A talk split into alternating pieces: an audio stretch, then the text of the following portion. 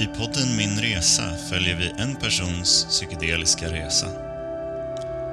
Detta samtal leds av Peder Fjällström från Nysnö.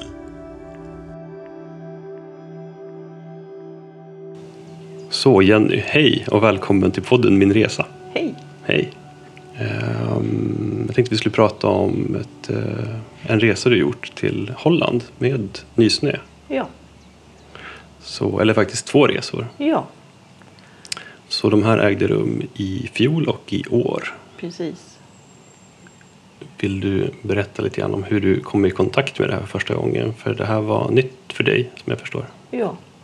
Ehm, jag hade inte eh, haft någon erfarenhet av psykedelika innan eh, det här retreatet och jag eh, fick ehm, tips av en kompis som hade hört talas om eh, retreaten i Holland och tyckte att det skulle vara en, en bra grej för mig. Eh, och jag hade precis börjat jobba efter att ha varit sjukskriven för utmattningsdepression i ett år och mådde inte bra. Eh, Jag hade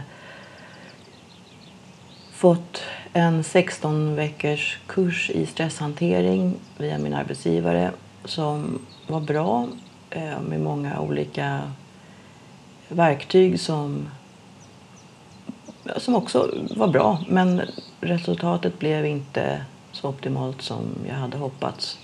Och jag var eh, rädd för att jag inte skulle kunna komma tillbaka till mitt eh, jobb och mitt liv. Eh, och efter att ha provat de saker som jag kunde prova så insåg jag att om jag inte provar något nytt så kommer det inte hända något nytt. Och jag beslöt mig i slutändan för att åka på det här retreatet fast jag tyckte att det var jätteläskigt. För mig så var LSD någonting jättefarligt som man blev galen av och eh, eh, svamp, eh, det var partygrejer som bekanta ägnade sig åt. Eh, och tryfflar hade jag inte ens hört talas om. Eh, tryfflar för mig var någonting som hade med mat att göra. Så att, eh, det fick jag ju ta reda på vad det var för någonting. Men jag valde också att inte researcha för mycket för att inte skrämma upp mig själv. Jag vill inte läsa om negativa erfarenheter eller så utan jag tänkte att det, det, får, det får komma som det, som det kommer. Ja, det låter ju väldigt modigt att, eh, att kasta sig ut i något sånt här. Ja. Eller dumdristigt kanske. Ja, eller desperat. Ja, så kan det också vara.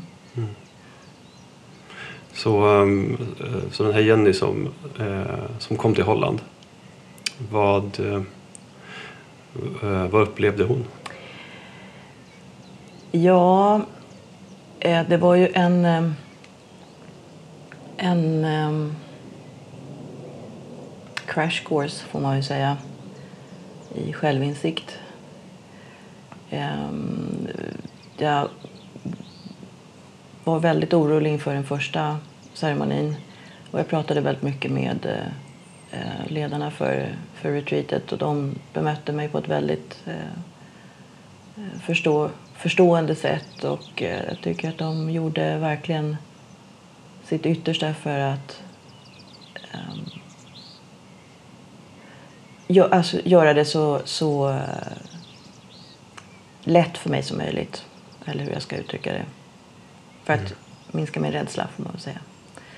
Eh, de andra som var med på den här retreaten hade, tror jag nästan alla, någon sorts relation till psykedelika tidigare. Så att jag känner mig lite ensam där i, i, ehm, i det. Och också att jag var ehm, äldst tror jag också i den här gruppen.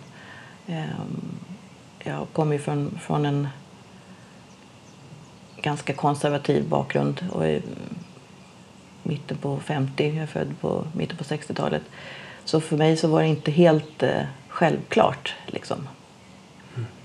Eh, men eftersom det gjorde en så stor in, så hade en sån bra effekt i mitt liv så känner jag att jag vill gärna berätta om det här för andra som är kanske i samma situation som jag eller i samma åldersgrupp som jag för att de inte ska känna sig eh, rädda eller tveksamma utan våga försöka.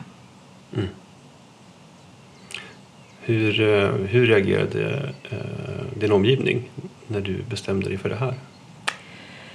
Eh, jag berättade inte det för så många. Jag berättade för mina två bästa vänner eh, och den här kompisen som hade rekommenderat det här.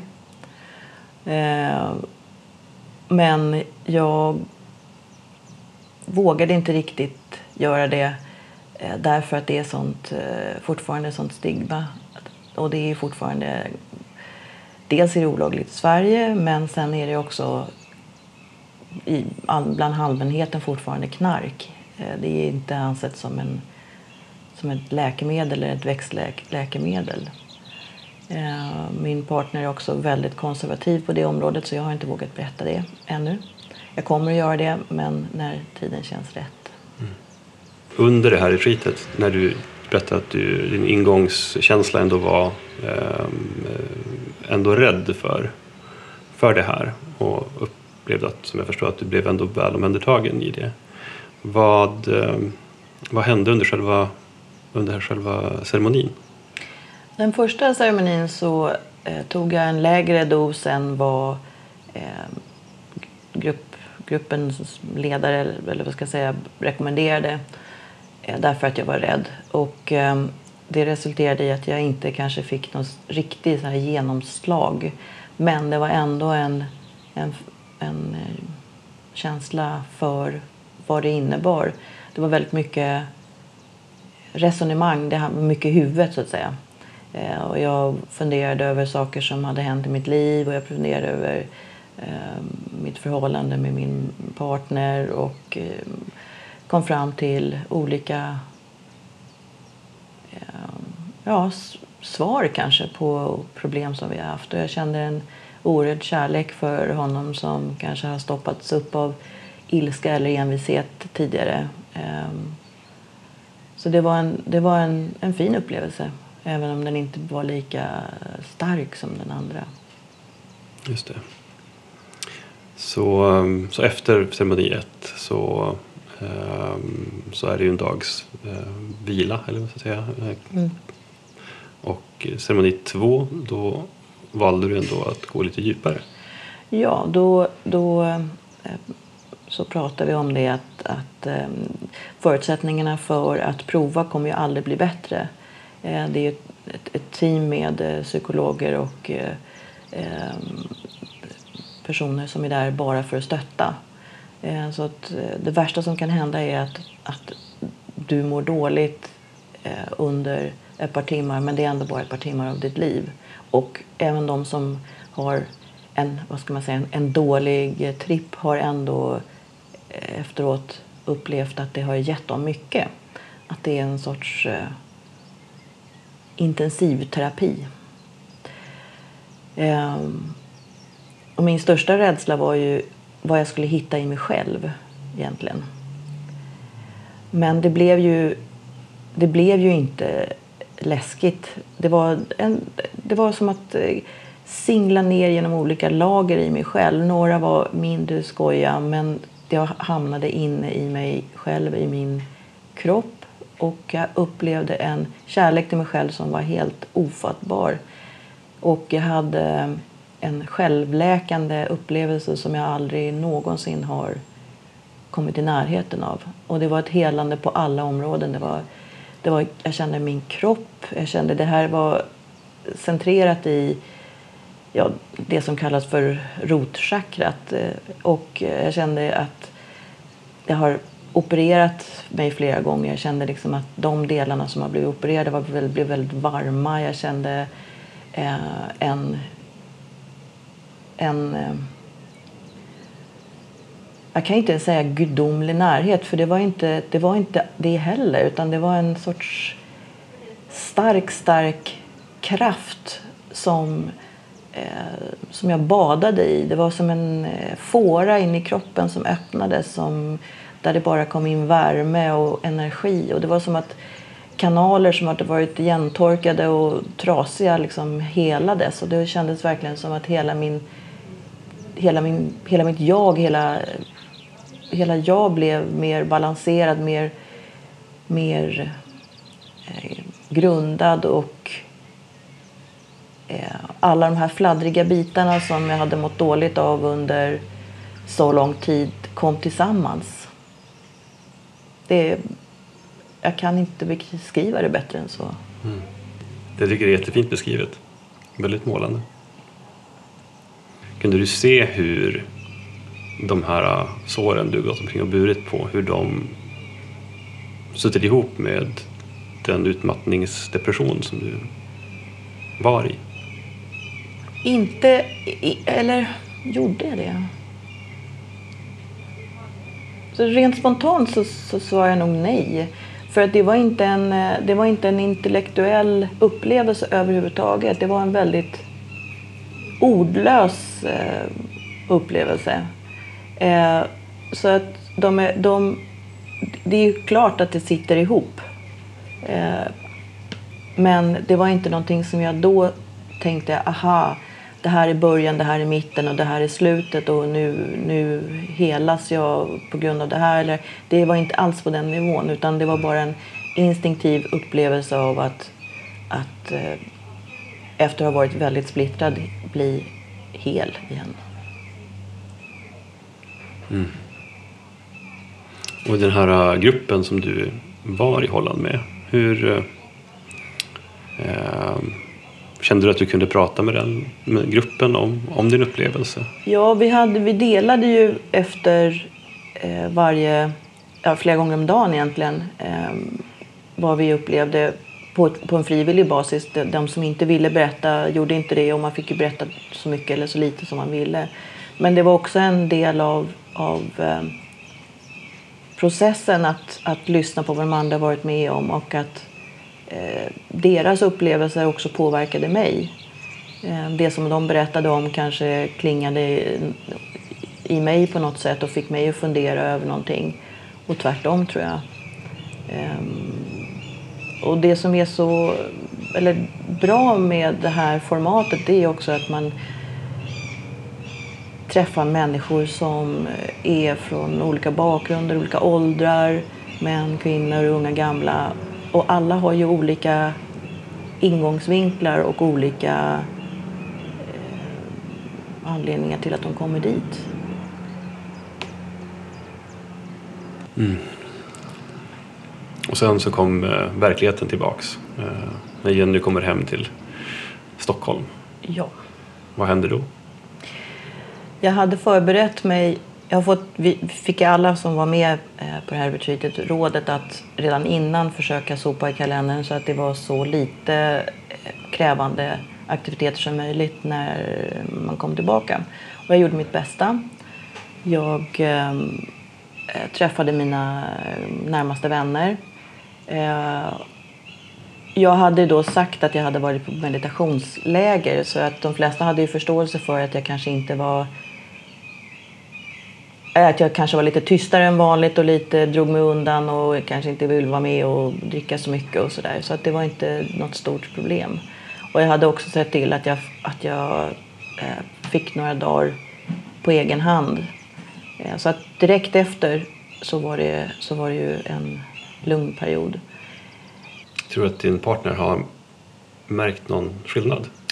Ja, det tror jag. Han har ju märkt de positiva skillnaderna. Ehm, han har ju, jag har ju blivit en mycket lugnare och gladare och mer samlad person. Jag har eh, mer tålamod. Ehm, jag tycker utfallet i mitt liv överlag har ju varit fantastiskt. Jag har blivit Ehm, mer mig själv, jag är mer, mer samlad. Eh, jag har blivit mer effektiv på jobbet. Jag har blivit bättre på att säga nej. Eh, jag har större förståelse för andra. Eh, överlag så, så har det fått positivt utfall under lång tid på nästan alla områden i livet. Ehm, men sen drog ju livet igång och jag började jobba igen och jag kände, jag kände verkligen att jag hade en helt ny energi. Eh, både på jobbet och privat. Jag hade varit så trött i så många år.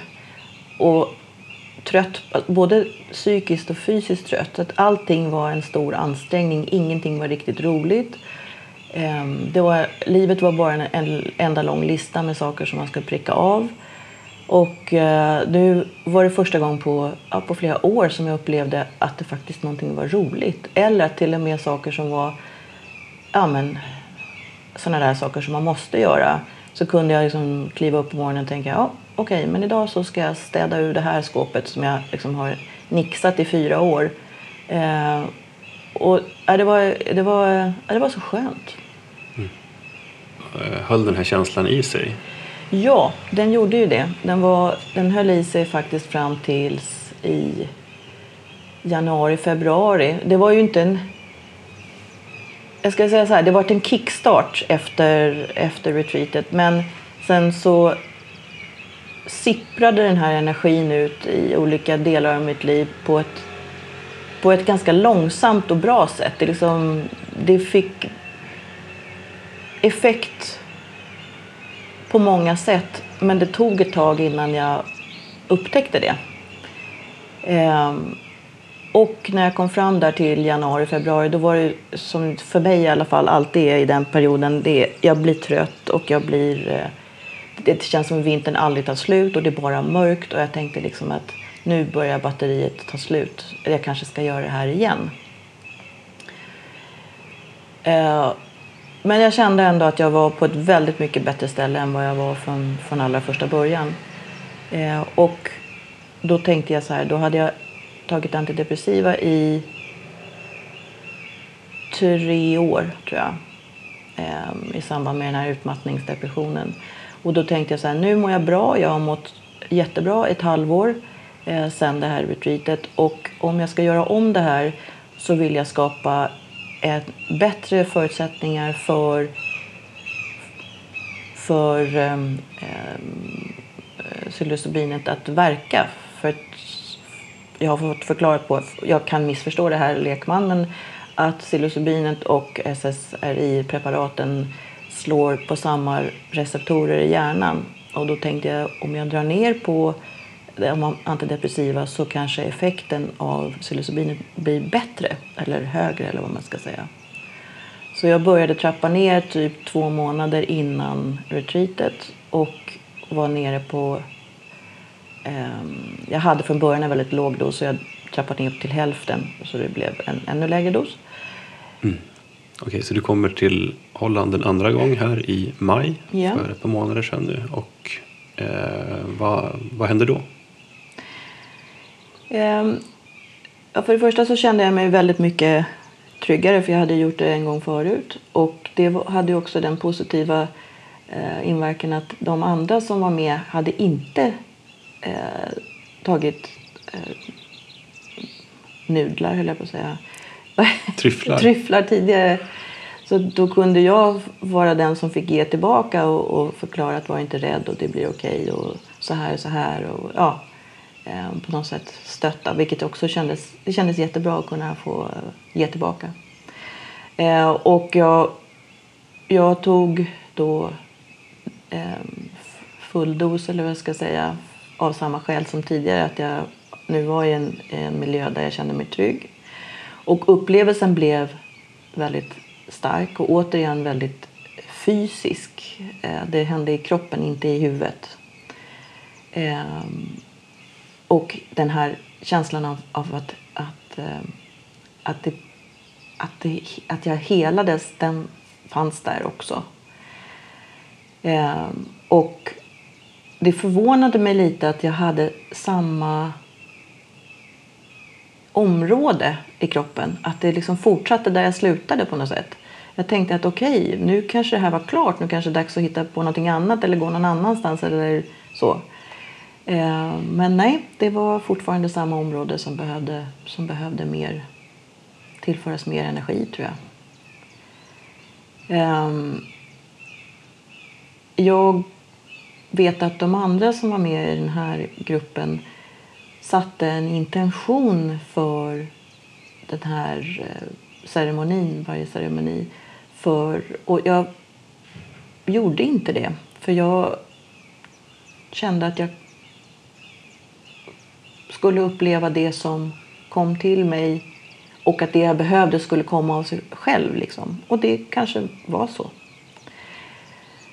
Ehm, men den här euforin och eh, befrielsekänslan som jag hade efter första retreaten kom inte efter den andra.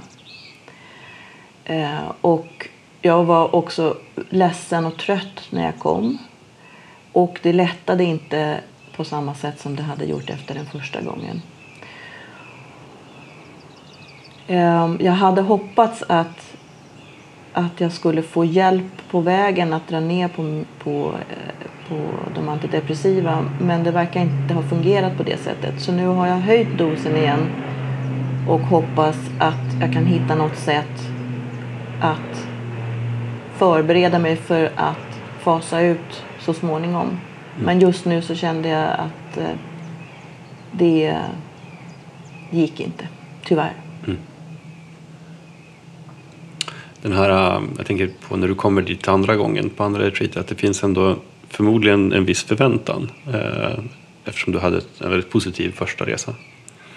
Tror du att en sån förväntan kan spela in i utkomsten? Ja, det tror jag säkert. Men jag tror ärligt talat att, att eh, det var också eh, att min grund, mitt grundmående på grund av, av att jag hade dragit ner på antidepressiva gjorde att det blev svårt att eh, ta in. Jag kände mig väldigt eh, eh, avtrubbad på ett sätt som jag inte gjorde året innan. Ehm, och det var... Jag kände mig tom och jag kände mig... ehm, jag hade svårt att ta in både mina egna känslor och andras. Ehm, ja, det är ja, märkligt. Så nu eh, är vi ett par månader efteråt här ändå och eh, mitt inne i semestern. Men, men du är tillbaka på ditt jobb just nu. Och eh, eh, jag funderar, är det någonting du skulle vilja berätta till Jenny för ett år sedan? Som, som du lärt dig under den här resan så att säga. Att inte vara rädd. Att våga prova. Ehm, att inte förlora hoppet. Ehm, och ha, ha tro på att det blir bättre. För det blir bättre. Fint. Men då, med de orden så skulle jag vilja säga tack för att du var med i podden. Ja, tack. Fint samtal. Tack. Podden produceras av företaget Nysnö. Läs mer om oss och vår verksamhet på www.nysnö.se